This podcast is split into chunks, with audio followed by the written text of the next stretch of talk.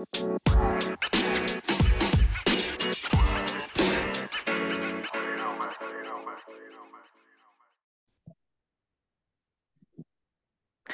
og velkommen til en ny episode av Jordbrukspodden. I dag har vi vært så heldige å fått med oss en Simon eh, Buvarp. Du Simon, kan ikke du si litt grann, eh, hvor du kommer fra og hvem du er og hva du driver med til vanlig? Jo, det kan jeg. Eh, Jeg kommer fra Namdalseid og bor nå på heimgården min, som jeg har tatt over i lag med familien min.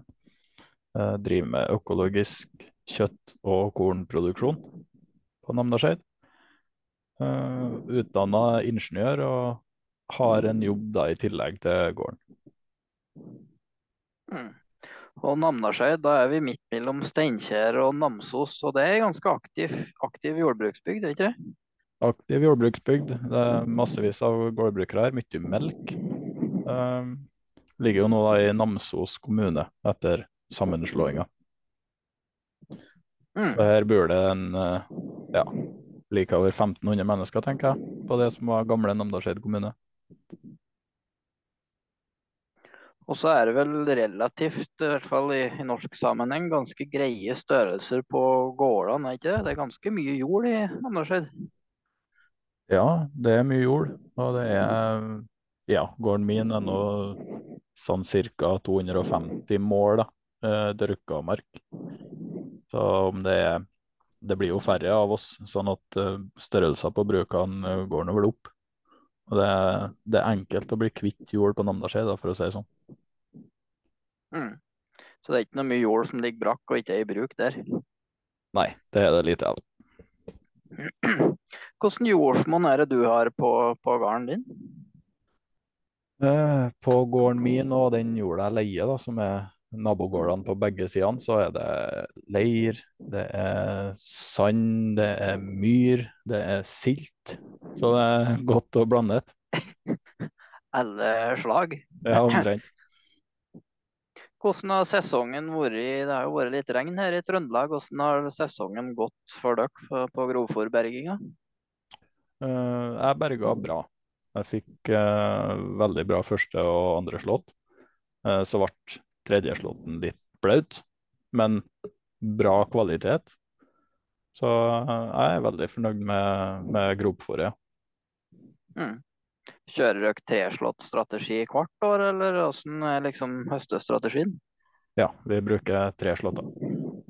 Og I tillegg så har vi en del eh, grønnfôr da, som vi høster. Mm. Vi driver jo økologisk, så den er en viktig del av vekstskiftet. Og det blir jo glimrende fôr til ammekua. Men er det for å ta rotugras og for å få et par, par år med jordbearbeiding og heller ugraset nede, som er hovedgrunnen til at dere har en del grønnfôr? Ja, ugraset er én ting. En annen ting er jo nitrogenbindinga, da. Eh, bruker jo erter som vet en del nitrogen. Og så får du jo da som sagt eh, det fôret som er For det, det, det grasfôret vi har, det blir det ganske høy eh, kvalitet på. Høy fôrenhetskonsentrasjon. Og eh, det er ikke bestandig det er veldig gunstig på ammeku, i hvert fall ikke når du har en del blanda rase. Det er noen som har en tendens til å bli litt feit. Så det å ha grønnfôr og spe på med i fôringa, det funker bra. Mm. Har dere drevet økologisk fra du tok over, eller hvordan var oppstarten på at dere satsa på øko? Eh, det starta med at eh, min far la om til økologisk. Eh, ja, da er vi vel en ti-elleve år tilbake i tid. Så ble eh, husdyrproduksjonen eh, lagt ned like etterpå. Sånn at jorda har vært økologisk siden da. Og når jeg starta med husdyr da i 2018, så ble det en, eh, noen år med konvensjonell, konvensjonelle dyr og økologisk jord, før jeg fikk lagt om sånn at dyrene også ble økologiske.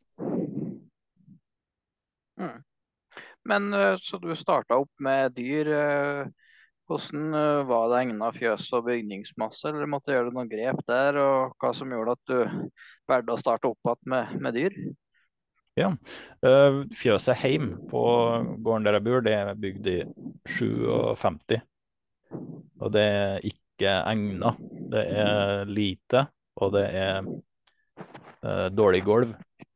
Så det er en stor investering i, i gulv da, hvis en skulle ha hatt noe produksjon der. Så jeg bruker naboen sitt fjøs. Det er nyeste delen av det når jeg tok over. Det var bygd i 92. Så det er ikke så verst.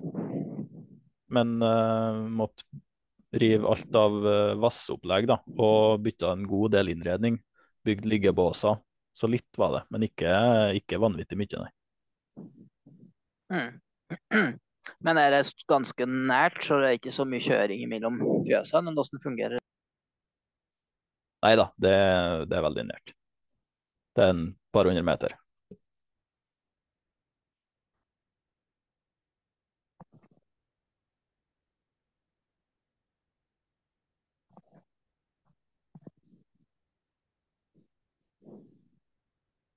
datt det ut litt, kanskje, Simon? Hører du meg? Nå hører jeg deg. Ja, jeg datt ut litt, fikk en telefon her. Jeg hørte ikke helt hva du uh, sa. Er det langt eh, fra, det, fra, der du bor til det leiefjøset du har? Nei, det er bare en par hundre meter. OK. Så det fungerer greit? Ja, det funker veldig greit. Mm. Har du noen tanker om eget bygg, eller ser du for deg at det, det har du posta litt på, at det fungerer å bruke lenger fram i tid? Eh, nei, du kan si Nå uh, har jeg jo Jeg bygde jo på det her fjøset til naboen, da. Uh, for to år siden. Bygde på ei talleavdeling som gjorde at jeg kan øke besetninga mi fra noen og tyve til 50 mordyr. Uh, men jeg har ikke plass til å fòre fram ungdyr, annet enn til egen rekruttering.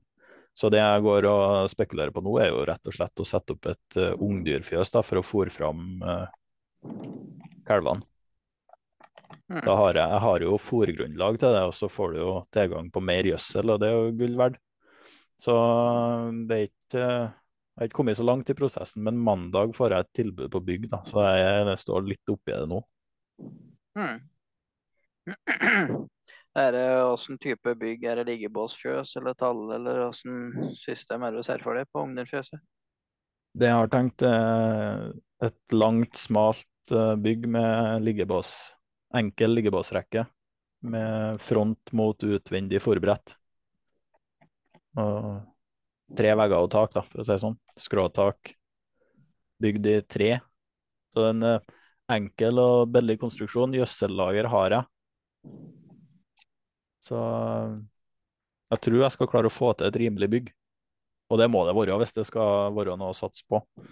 For det blir ikke du blir ikke kjemperik av å drive med framføring av 40 kalver. Men hvis, det, hvis, jeg får bygget billig nok, så kan det være noe i det.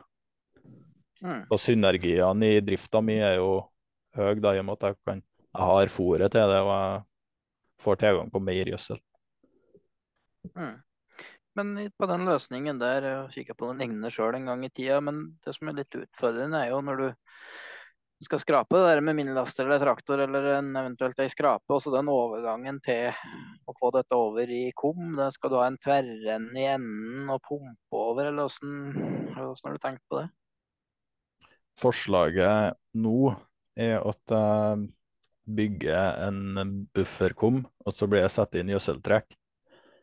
Og så plasseringa av bygget er noen høydemeter over gjødsellageret som er i dag. Det er ikke en kum, det er jo en gammel gjødselkjeder. Sånn at jeg håper å finne en løsning der at jeg kan få det i rør under jorda. Og litt usikker ennå på om det blir behov for noe pumpesystem, eller om det går an å få så mye fall på det at en kan røre det og få det flytende så det renner sjøl. Mm. Da ble vi i redaksjonen, den lille redaksjonen i Jordbruksboden litt skeptiske på, på, møkk og kaldt og små rør og grastuster, og det har vi litt erfaring med. Ja. Der, der, der, anbefaler vi at du tenker deg veldig nøye om fall, å ha en backup-løsning, sånn at du kommer inn med traktor eller noen minilaster og kan skrape når det er styggkaldt. Ja, det er klart det det er noen utfordringer med det. Og her på Namdalseid så blir det jo kaldt òg. Det blir skikkelig kaldt. Mm. Men eh, hvor brei eh, tremeters kjørselgang du ser for deg, eller eh, og standard liggebåsbredde, og så at du har et lite takutstikk over forbrettet? Ja, jeg har ikke eh, Vi har ikke finkikka på dimensjonene ennå. Det er jo bare en skisse som er lagt til grunn her, da. Mm. Så den endelige byggtegninga basert på det forslaget, den kommer jo på mandag med priser. Mm. Så må du nå se. Det blir Altså, det er et, et smalt bygg, da. Så det blir ikke noe Og så er det litt sånn øh, Arealet inni fjøset må jo være beregna etter forskriften. Det, det, er jo minimumet. Mm. Så er jo sånn som fòrbrettbredda, da. Hva med den? Hvor, uh, hvor bredt trenger du å ha det? Og så tenker jeg at når du først holder på å ha, Hvis du har ei ferdig tomt, og du først holder på å skal støype et forbrett, så er det ikke på en måte de 40 cm i bredda på forbrettet som velter prosjektet. Så det med dimensjoner må vi se litt på ut ifra pris, selvfølgelig, men uh, det skal være funksjonelt. Mm. Men når du driver med øko, har du ikke en utfordring da i forhold til Er det ikke noe der med at oksene skal ha tilgang på uteareal der det ikke er tak over, altså en slags uh, luftegård? Jo. Derfor så tenker jeg å bygge det sånn at det blir uh, Jeg baserer jo alt på at jeg får 50 kalvinger i året. Og da sånn ikke så veldig langt unna 50-50 fordeling med kukalver og oksekalver. Ti av kukalvene kan jeg ha i kufjøset. Så jeg står jeg igjen med 40 dyr, da som jeg deler opp i to binger. Der den ytterste bingen, som er for oksene, eh, har eh, åpen dør i tverrenden til utegardi. Mm. Så jeg setter av eh, plass til det, så det skal bli greit. Jeg bruker utegardi på mordyrene nå etter kalving, og det er jo et supert opplegg. De stortrives jo ut. Du ser jo når jeg åpner de dørene når de begynner å kalve, så kan kyrne godt ligge i, i en dunge ut med et tjukt snølag oppå seg, heller enn å ligge på båsmatta. Altså. Dyrene de trives ut, det er åpenbart. Mm. Uh, type, Du nærmer at du har litt miksa raser. Hvilken type raser er det du har i fjøset ditt? Nei, Jeg jobber jo mot reinrasa Tirol-besetning. Så har jeg brukt uh, Tirol-oksi, bruker avlsoksi. Og det har jeg brukt siden 2019. Men jeg starta jo med å kjøpe sju kviger i 2018. Det var den, den spede oppstarten. Uh, kjøpte noen få til, ellers så er det stort sett egenrekruttering. Men dem jeg kjøpte, var jo blendingsraser. Det var noen reinraser Herford, det var noen med uh, limousin og charolais. Det var noen med litt mer uh, mangfoldig miks. Og det, det ser jeg jo tydelig ennå, da. Så I og med at jeg fortsatt holder på å bygge besetning, så får jeg jo ikke fasa ut så mye enda. Det blir jo først til neste år, når jeg når 50 måler. Da kan jeg begynne å sjelte ut dem, bl.a. det her for dem, da, som er igjen. De har, det er jo en rase som har litt lett for å bli rund. Mm. Så det går mot reinrasa Tirol, men det tar lang tid da, når du gjør det på den måten som jeg har gjort det på. Hva er det som har gjort at akkurat en tiroller er noe du foretrekker å, å, ha? Det er jo ikke den mest kjente rasa, det er jo en god del av den. De er jo kjent som en slags sånn, et lett måldyr som gir slakteresultater som kanskje er litt bedre enn de fleste lette rasene. Så det, det, er jo mye bra med dem, men samtidig så er de ikke så mye bruk. Hva er det som liksom du liker, liker med den rasa? Ja, de er ikke så mye bruk, men det, det blir mer av dem. Uh, mer og mer. Så det, de øker jo litt her, da. Um, det er en rase, De er jo veldig fine dyr.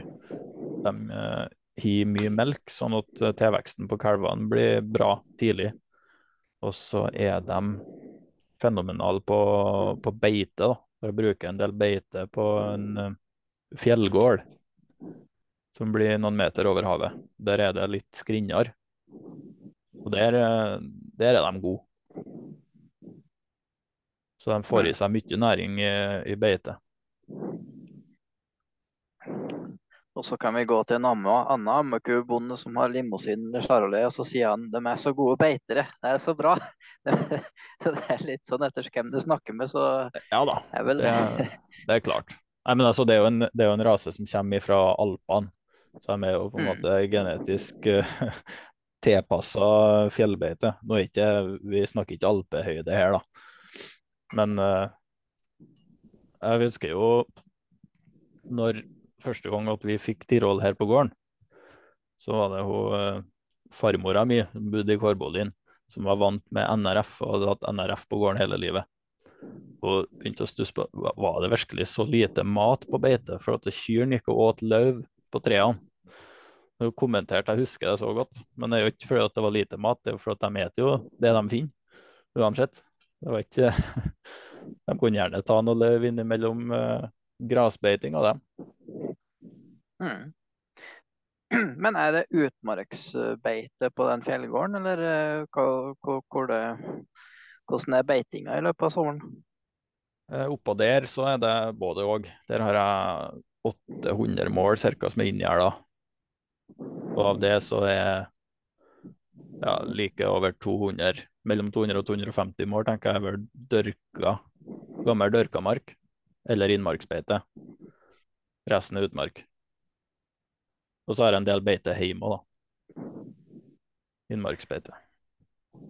Det hørtes helt eh, prima ut. Var det inngjerd fra før, eller noe du har gjort? Eller det hørtes jo ut som en drøm å slippe ammekjøren oppi der. Ja, det er en drøm. Eh, Det er mm, strømtråd med solcelleanlegg. Så den eh, plukker jeg ned og setter opp hvert år.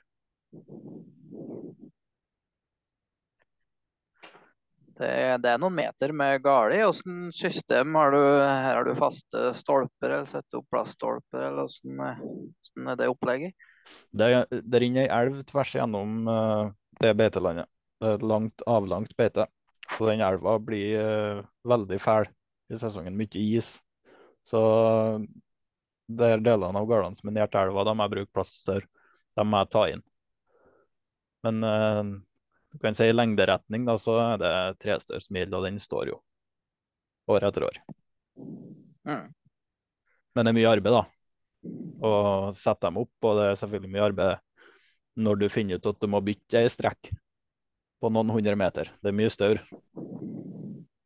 Men da er det ståltråd som du bruker da. Du bruker ikke bånd. Nei, jeg bruker ikke bånd, jeg bruker tvinnatråd.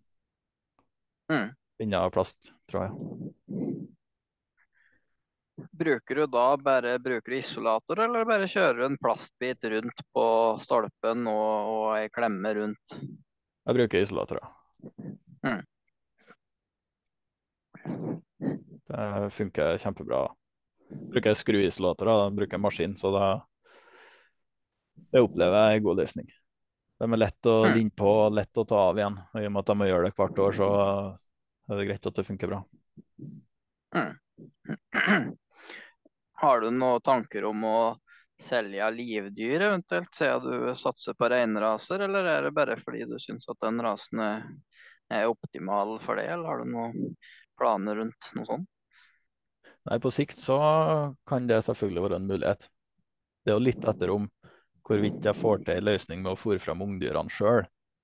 Får jeg fôra dem fram til slakt, så, så kan jo det være en lik god løsning. Da kan det jo bli aktuelt å, å krysse noen raser etter hvert, når det blir, når det blir mer reinraser, sånn at jeg har kontroll på, på avlen. Hvis det ikke blir økonomisk bærekraftig å få til noe ungdyrfjøs, så kan det bli aktuelt å prøve å selge noe som livdyr etter hvert. Og Da har du en fordel at det er reinraser igjen. Så det står og faller litt på dette byggeprosjektet nå. Mm. Men, ehm, men lå du på 25 ammekyr nå og skulle opp mot, eh, opp mot 50? Var det som var det du har plass til i mordyrfjøset? Jeg har plass til 50, og i år, eller til, til vinteren, etterjulsvinteren, så har jeg 41 kalvinger. Så jeg har gått opp ifra Jeg begynte som sagt med sju kviger da, i 2018. Og nå er jeg på 41 kalvinger, så neste år så når jeg makskapasiteten på fjøset. Mm. Mange som begynner med ammeku, går jo på litt smell og litt innom det. Det her med godt grovfôr og det blir litt for godt hell og påfølgende kalvingsvansker. Har du hatt noen utfordringer der, eller har det gått smertefritt? Det har gått veldig bra. Vi hadde en periode der at det var eh, Det var ikke mange dyr. Jeg hadde en par tre kyr som plagdes med børframfall. Um, ble tipsa om at uh, jeg måtte se litt på magnesiummengdene i fôr. Så vi begynte med, med en mineralstein med mye magnesium. Og siden det har det stort sett vært bra. Mm. Ja, Hvordan gjør dere i forhold til mineralnæring? Er det stein? Bruker du noen boluser, eller hvordan sørger du for at de får til seg nok på mineralnæringa? Jeg bruker stein på, på beite. Her, ja. Og så har jeg en eh, stasjon inni fjøset, i, i morderavdelinga. Så de får der, da. Fri tilgang. Ja, der de får i pulver tilgang? Ja. ja. Mm. Det er jo noen som syns de tar opp litt dårlig av det pulveret. Da, at det er noen kyr som ikke liker det. Har du gjort noen erfaringer med om det at alle tar til seg litt? Nei, det går jevnt. Det gjør det, altså. Om det er enkeltdyr som tar mindre, det vil det naturligvis være. Men uh, inntrykket er at de får i seg det de har behov for nå. Når vi gikk over til blandinger med, med høyt magnesiuminnhold, da, så vi har jo ikke hatt noe børframfall etter det. Om det er tilfeldig, da, det vet ikke jeg om jeg er rette person til å si. Men uh, det har nå funka for oss, så vi fortsetter nå med det. mm. En annen utfordring når en utvider sånn, det er jo greit i starten. Da er det én okse til alle. Og så uh, får en litt flere dyr og får mye kviger sammen med vaksekyr. Hvordan ser du for deg å løse det med kanskje at du må, du må opp i to okser, og ser du for deg å dele opp flokken, eller hvordan tanker du rundt det? Fram til i år, da, så har jeg hatt eh, egen okse på beitene hjemme før og etter fjellsesongen. Og så har jeg hatt med meg ei anna besetning til fjells, og så brukt oksen der. Uh, men nå blir det antageligvis to okser, så det blir én okse på Kvigan som jeg holder igjen hjemme, og så blir det én okse til fjells med voksenkyrne. Så det blir jo prøveprosjekt, da. Så vi får se hvordan det går. Det blir litt av Jeg kvitta meg med han oksen her nå hjemme nylig, så nå skal jeg foreta en liten ombygging, sånn at det blir en oksegard til. Så blir det vel å få tak i okser etter hvert, så får vi se hvordan det vil fungere. Mm. Eh, det her med økologisk og det er jo Hvordan er avsetninga på det? det får, du noe, får du noe mer pris og, og bli kvitt det som økologisk vare, skal jeg til å si? Ja, nå har jo ikke jeg slakta så mye. Jeg har jo uh, solgt uh, ungdyrene. Så fikk jeg jo høre det nå at uh, hos Nortura, som jeg leverer til, så får du ikke ikke økotillegg på dyr som er eldre enn fire år. Så det vil jo si i den utskjaltinga på gammelkyrne, så, så vil du nok få det. Um, men det, derfor vil jeg jo da få på, på eventuelle ungdyr som jeg fôrer opp, da. Så det Jeg har ikke regna på hva det utgjør enda, er ikke, er ikke i mål med, med, driftsplan og kalkyler. Men uh, på, på, altså, så, så, lenge du når kriteriene på klasse og sånn, sånn at du får økotillegget, så, så ligger det jo der, det. Og så har du jo selvfølgelig tilskuddet. Det er jo med å, å, å trekke opp på øko. Mm. Men så var det denne her jævla høymålen, da. Åssen uh, Har du noe mye av den? Nei. Veldig lite. Plukker du da, eller et de det òg, kjørt, sånn at du løser det på den måten? Nei, jeg har, jeg har plukka. Vi var uheldige med jordbearbeidinga et år. Um, vi brukte skålhorv i stedet for å pløye når vi vendte jorda. Og fikk en åker med veldig mye høymål. Da ble det, da ble det plukking. Da ble det dugnad i åkeren. Men så gikk jeg over til bytta plog. Eh, skikkelig plog med rulleskjær og, og forplog. Og så ser jeg det at hvis jeg er grundig med plogen, så gjør den mye mot høymålet. Og det som da eventuelt kommer, det, det prøver vi å plukke av underveis. Men nå har jeg nesten ikke noe av det. Pløyer du litt ekstra juft, eller for å få, få langt ned i jorda? Jeg har pløgd eh, litt juft. Jeg har plugd på 23. Eh, I år har jeg, eller til våren, så vurderer jeg å gå opp litt. eh, rundt 20. Det er jo et Altså, dieselen er jo en stor kostnad. Jeg vender jo 600 mål i året. Så det å gå ned litt på juften, sånn at en sparer litt diesel, det kan svare seg. Men det betinger jo at resultatet blir bra, da, så det blir jo også et prøveår på det nå til våren. 600 dekar, det var mye. Jeg håper du har høstpløgd litt, eller? Nei. jeg har, eh, det aller meste parten av jorda som jeg driver, jeg har avrenning, avrenning mot elv. Hele eiendommen holder mot elva, sånn at eh, det er ikke noe særlig gunstig å pløye om høsten. Så uh, vårhåndssesongen min er lang, men det har fungert bra. Mm. Så med det vekstskiftet jeg har nå, så har jeg ja, sånn rundt trekna hvert år 200 mål med gras, 100 mål med grønnfôr, og så resterende da med, med korn. Både bygg og kveit. Mm. Nei, da er det klart når du har så mye jordbearbeiding og får det der inn i et godt vekstskifte, da går det an å ha kontroll på ugraset da. Ja. Men uh, ta litt tid og ta litt arbeid med pløyinga. da. Hvilken kapasitet er det du har, og hvor lang tid bruker du på det? skulle jeg si. Eh, Nei, det, altså det går når en først skulle til å si har plogen i jorda, så, så blir det jo noen mål om dag, da. Eh, Det, jeg pløyer med fire skjær. Men det er klart det er tre uker med mye arbeid Mm. på plogen. Og så kommer jo resten av våren, da. Det er jo mye arbeid, det òg. Så det er klart det, det er en uh, intens periode i året, den våren, ja.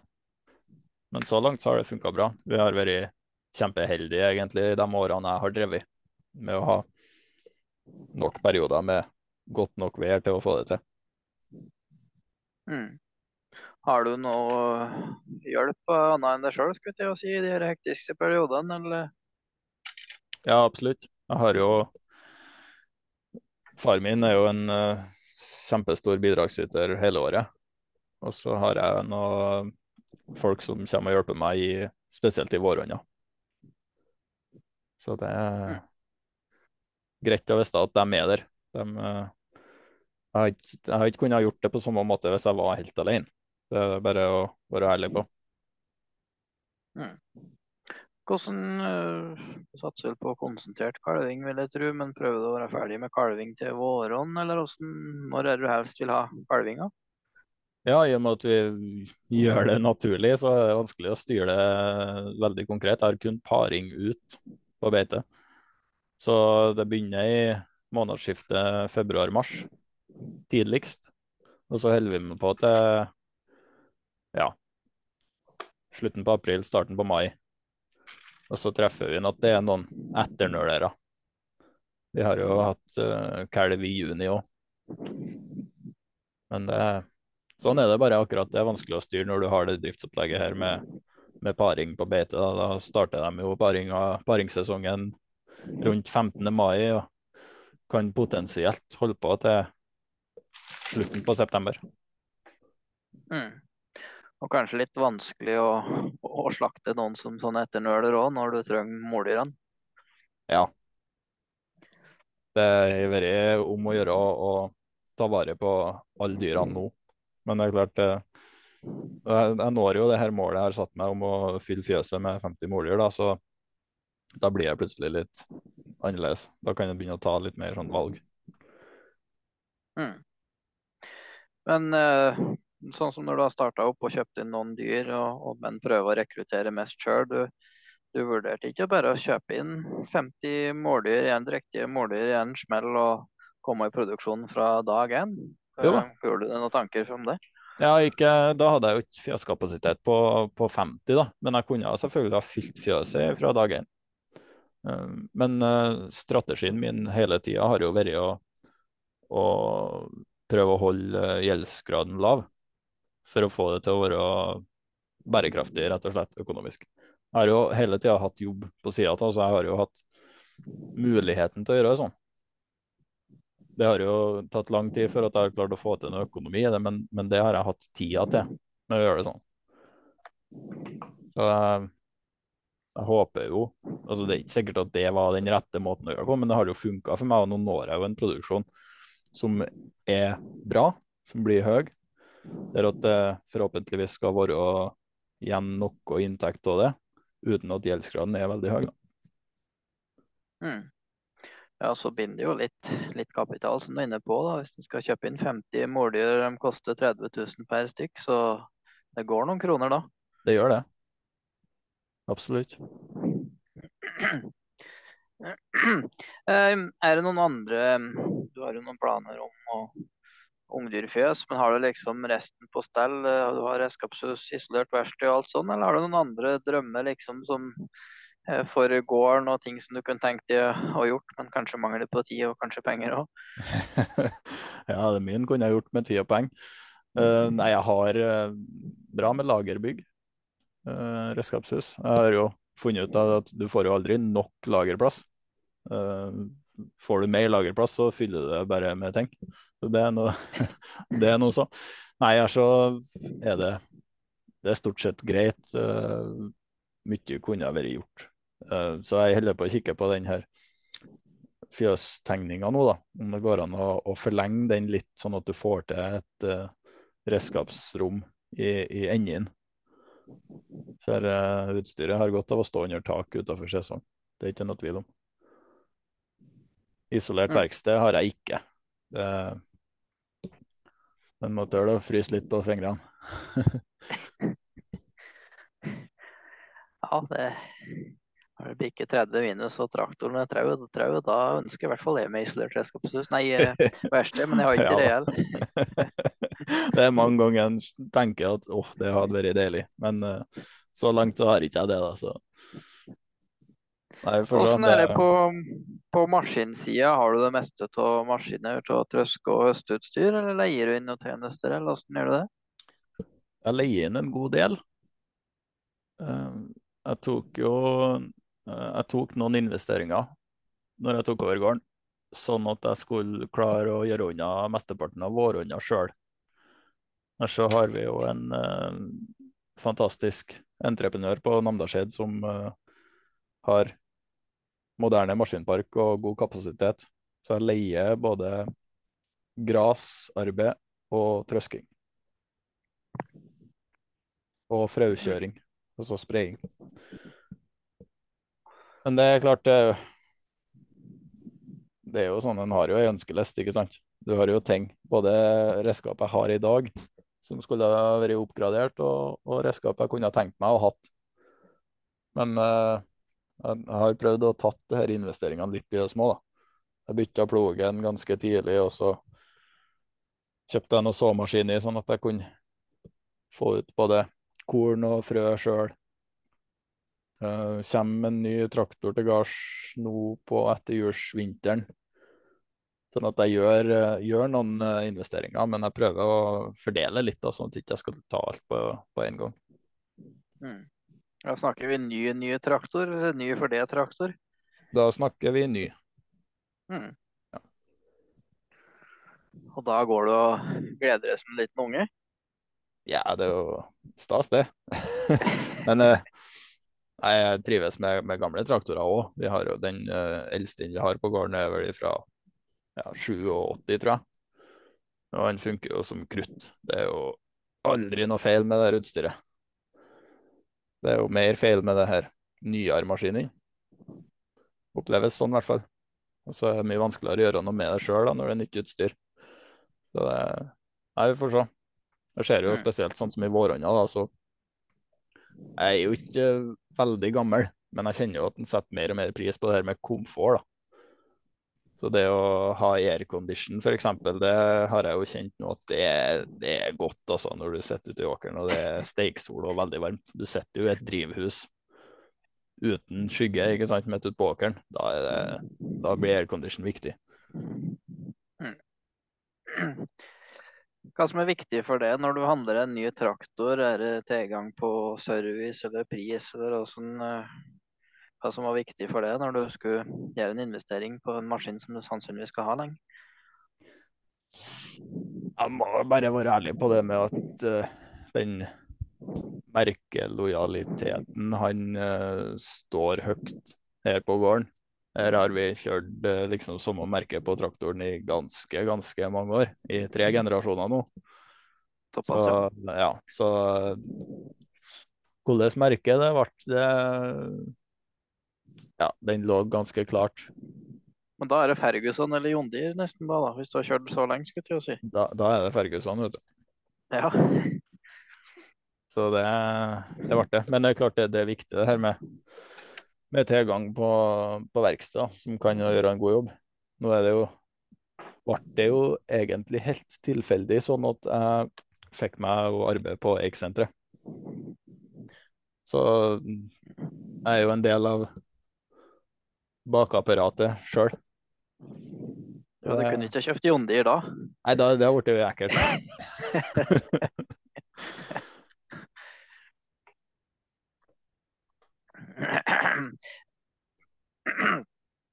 Ja, nå drev jeg og surra med noe her. Jeg driver med noe hele tida, så jeg, nå mista jeg litt tråden her. Men eh, traktor, ja, og investeringer. Men eh, eh har du merka den prisoppgangen som har vært på maskiner nå når du skal ta de nye, nye investeringene? Syns du det har blitt kostbart, eller er det fortsatt mulighet for å gjøre en uh, god deal, føler du?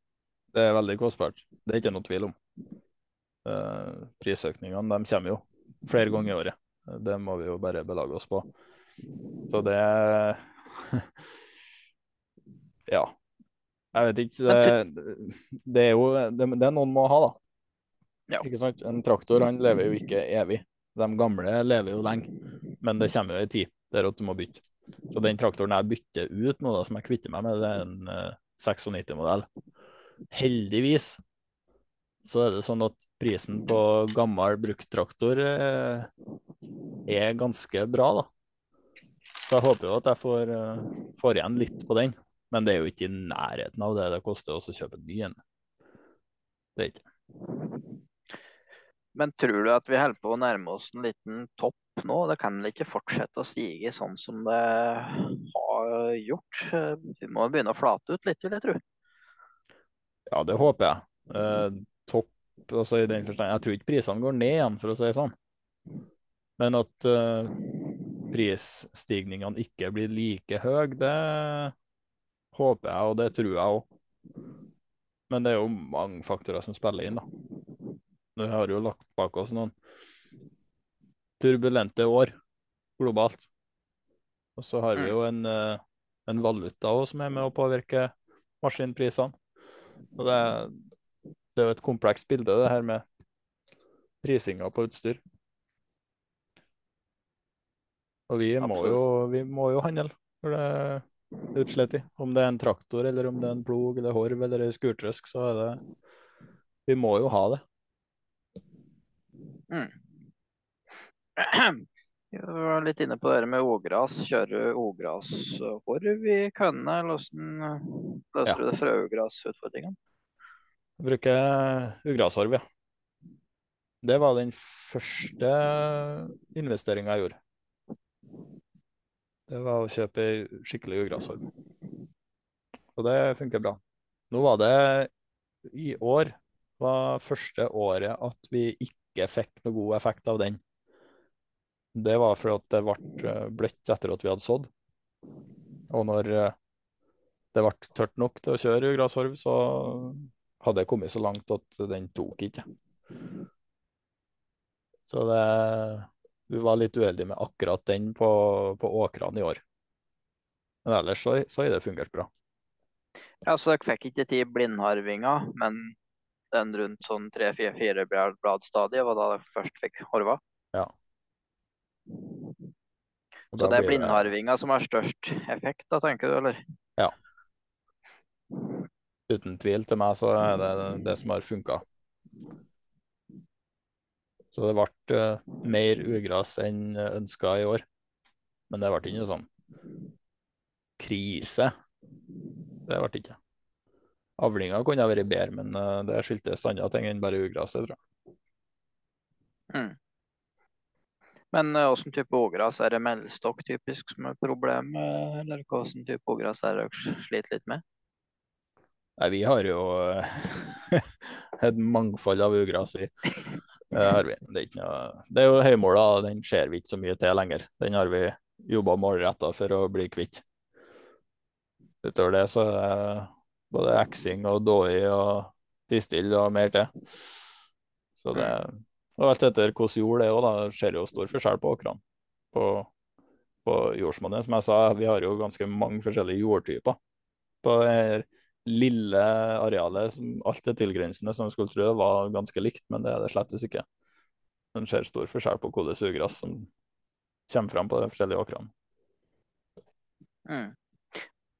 Men eh, det kommer jo en Ogresset kommer jo overalt, skulle jeg si, men en del kommer jo fra veikantene. Har dere noen strategier på noe pussing av kanter, eller eh, åssen er det? Nei, vi har ikke uh, gjort noe konkret der.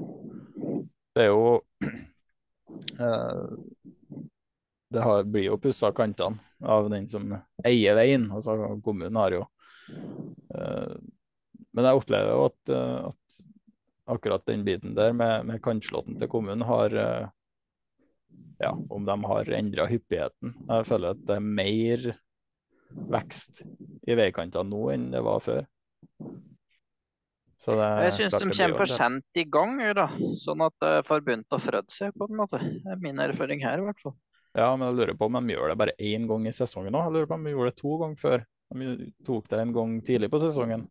Som du sier, før det frøsa, så tok de en gang til. Men det er mulig at det er bare noe jeg innbiller meg. Men det er som du sier, de kommer seint. Ja. Jeg ser den der um, håndkjeksen nå, den har en tendens til å komme fra, fra kantene, ser jeg. Ja. Nei, men i og med at jeg vender såpass ofte som jeg gjør, så er det Det får ikke noe mye fotfeste hos meg. Det er jo et ganske offensivt vekstskifte. Altså, jeg vender jo jeg vender enga når hun er to år. Så da I enga så er det ikke noe mye som vinner og etablerer seg da. Men øh, øh, de siste, når du kommer da med grønnfòr, øh, kommer du inn da med gjenlegg i, i byggeåker eller havreåker det er gjenleggsår, eller så har du gjenlegget helt for seg sjøl? Gjenlegg i grønnfôret, ja. Det er jo erter og kveit som er satt i med grasfrø. Så det blir jo på en måte Starten på syklusen er jo erter, kveit og grasgjenlegg, og så blir det første andreårseng, andre års og så er det tilbake på korn da i noen år. Kveit først, og så går det over til bygg. Er det kun bygg dere har, eller? Nei, vi har kveit òg, ja. Så den enga jeg legger om, da kjører jeg kveit på første året. Og så blir jeg bygg påfølgende år. Til at det er inn i ny syklus på grønnfòr og gras. Jeg kveit første året, fordi da får du litt effekt av enga, og den krever mer, eh, mer eh, nitrogen og næringsstoffer for å gi avling, eller? Ja, Just. Hva er du liksom fornøyd med i kiloavling på, på bygg da, på øko? Sånn, altså det varierer jo veldig, men for å være liksom, dette har vært et greit år. Ja, så det har vært artig å komme opp på et snitt over 400 kg med tørrkorn. Men jeg er ikke der ennå. Igjen da, tilbake til det med forskjellene på jordsmonnet. Det er jo så vanvittig store forskjeller. Den kan jo spørre seg om det er strategisk å, å ha det likt vekstskifte på all jorda hos meg, da. Men det har jeg valgt å gjøre så langt. Så jeg har jo jord der jeg har atskillig høyere avling enn det. Så på den beste jorda så får jeg til over 500 kg tørrkorn på et uh, brukende år. Da begynner vi å snakke litt, uh, litt eh, butikk, eller?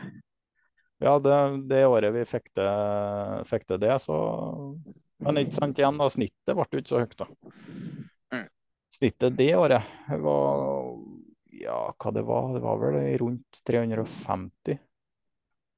Så da sier seg sjøl, det blir ikke noe sånn. Det, det kunne absolutt ha vært høyere kornavlinger. Det kunne det. Men bruker du noe marihønegjødsel i tillegg, eller bruker du bare den gjødsla du har tilgang til sjøl? Jeg har, um, jeg har tilgang på en del uh, fjørfegjødsel som jeg får tilkjørt i vintersesongen. Jeg har vurdert mm. pellets, altså økologisk pelletsgjødsel av men uh, så langt har ikke vært nødvendig. Mm. Så i år ble det faktisk ble kjørt på Ja, jeg mente det var litt for lite bløtgjødsel på enga. Uh, plagdes med at uh, vi fikk ikke rørt om nok, da. Vi fikk det litt for travelt. Så vi fikk ikke uh, nok vann i kjelleren. Vi fikk ikke rørt opp nok, så det ble litt tynt. Men uh, det ble jo ei vanvittig avling på gresset likevel. Så da uh, tydelig det at det å ha ung eng da, med høyt kløverinnhold eh, funker bra. Da kan en faktisk redusere litt på gjødsla, tenker jeg. På noe av jorda i hvert fall, og fremdeles opprettholde gode avlinger. Mm. Med de kunstgjødselprisene som er, tror du flere konvensjonelle bønder òg har hatt litt å hente på å få litt mer kløver og fart i enga på den måten? Ja, det tror jeg nok. Det å klare å bevare kløveren, det, det mener jeg er bærekraftig, da. Men det klart, det er jo hvordan driftsopplegget er, da, og hvordan tilgang du har på Du må ha nok jord da, hvis du skal klare å vende den ofte nok til at det er ung eng hele tida. Og det er ikke alle som har. Det er jo noen som har akkurat med areal, sånn at de må tyne det for lenge. Det er klart, han regna på det, er ikke sikkert at det har vært den mest fornuftige måten å gjøre det på. Men vi er jo, det er jo ingen gårdsbruk som er lik, da. Så det er vanskelig å si. Jeg har nå funnet noe som jeg tror funker for meg, men det er jo ingenting som det sier at det funker på noen andre. Nei, nei, nei. Det er mange, mange veier til Rom innen jordbruket. Ja, Men absolutt. eh, du begynner jo å få en veldig stor produksjon og arbeid attåt. Har du noen tanker om å kunne blitt heltidsbonde, eller ser du for deg at å være deltidsbonde er det som passer det? Og hva, hva liksom vurderinger gjør du for framtida rundt det? Um, når jeg tok den, eh, det tilbygget på fjøset, så hadde jeg jo en plan som tilsa at eh, det skulle gå an å, å leve av det. At jeg faktisk skulle ha, det skulle være nok økonomi til å slutte å arbeide på sida av om noen år. 2027 var vel eh, anslaget på den tida. Og det er jo absolutt et mål. Å få til en produksjon som er sånn at det går an å leve av det. Men så er det jo også sånn da i den produksjonen her, ammeku og korn, så er det jo tid til å gjøre andre ting på sida. Så det har selvfølgelig vært fint å kunne leve av gården og kun drevet med det. Men det, det kan godt hende det blir det en dag, men det, det vet ikke jeg ennå. Men nå har be- jeg har jo begynt i det små, så får vi nå se hvor nært vi kommer det punktet at det skal gå an å leve av det. Er du fornøyd med økonomien i jordbruket og i de produksjonene du driver, eller føler du at det er behov for noe, for noe løft der? Nei, det er åpenbart behov for løft. Det er det. det er, jeg mener at en produksjon i det omfanget her burde absolutt ha vært nok til å kunne leve av. Uh, ser du dem Klarer du å leve av en gård på størrelser med den jeg har uten alle hjula og sånn før i tida. Det, jeg skjønner jo at utviklinga går sånn at det blir kanskje behov for at det er noe større snittareal per bruker. Men eh, nei, jeg tror nok økonomien må opp på skulle til å si, mange produksjoner, ikke bare dem jeg driver med. Så det, det er jo spennende å se utviklinga, da. Jeg er jo optimist. Prøver i hvert fall å være det. Så jeg har jo trua på at det blir eh, bedre. Ja, det håper vi får, eh, får rett i. Og så bruker jeg å si det at det er ikke så vanskelig der. For det, det er to inntektsstrømmer vi har, og det er det produktet vi leverer. Og så får vi noe tilskudd, og så har vi noen kostnader. Og så må da summen av de to være såpass mye større at det gir et arbeidsvederlag som resten av samfunnet. Og så må vi ha noe for kapitalen vi setter inn, og vanskeligere er det ikke. Er du, er du enig med meg i den påstanden, eller syns du det er veldig komplisert der? Nei, I prinsippet så er det så enkelt. Absolutt. Men det er mange mekanismer som må slå til for at vi kommer dit at det er en sannhet. Det er jo mye politikk, blant annet. Og det er jo Vi må jo få forbrukerne til å faktisk kjøpe de produktene vi lager òg. Mm. Og det er ikke bare bare. Er det noe du engasjerer i litt, eller har du mer enn nok med, med, med garn, på en måte? Eller har du litt tid til å liksom eh, kjempe litt for bedre vilkår? Jeg prøver jo å engasjere meg litt. Jeg gjør det. Eh, lokalt.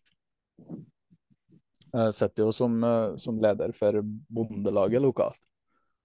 Så gjennom der så føler en jo at en får muligheten til å prøve å bidra litt. Grann. Men det er som sagt det, det, det er mye som må på plass. Så jeg tror jo politikken, det med, det med politisk påvirkning, det, det vet jo du litt om hvordan det funker. Eh, Det er jo det er en svær jobb. Og det er jo noe vi må gjøre i lag, alle jeg si, alle bøndene i landet.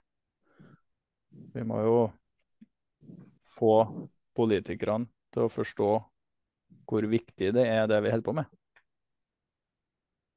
De må jo forstå det før at vi kan be dem eh, spytte mer penger inn, for å si det sånn. De må skjønne at det vi produserer, er god, ren, bærekraftig mat. Og det er jo beredskap. Så vi har en kjempeviktig rolle i samfunnet. Det var litt gode avsluttende ord, syns jeg, her på tampen. Vi har vært innom forskjellige temaer, og der sa du det veldig godt. Kunne ikke sagt det bedre sjøl. Så tror jeg vi sier tusen hjertelig takk for at du tok deg tida til å være med, og så ønsker vi deg lykke til videre med oppbygging av hammekuebestanden på gården din og videre drift. Takk for det, og takk for at jeg fikk være med.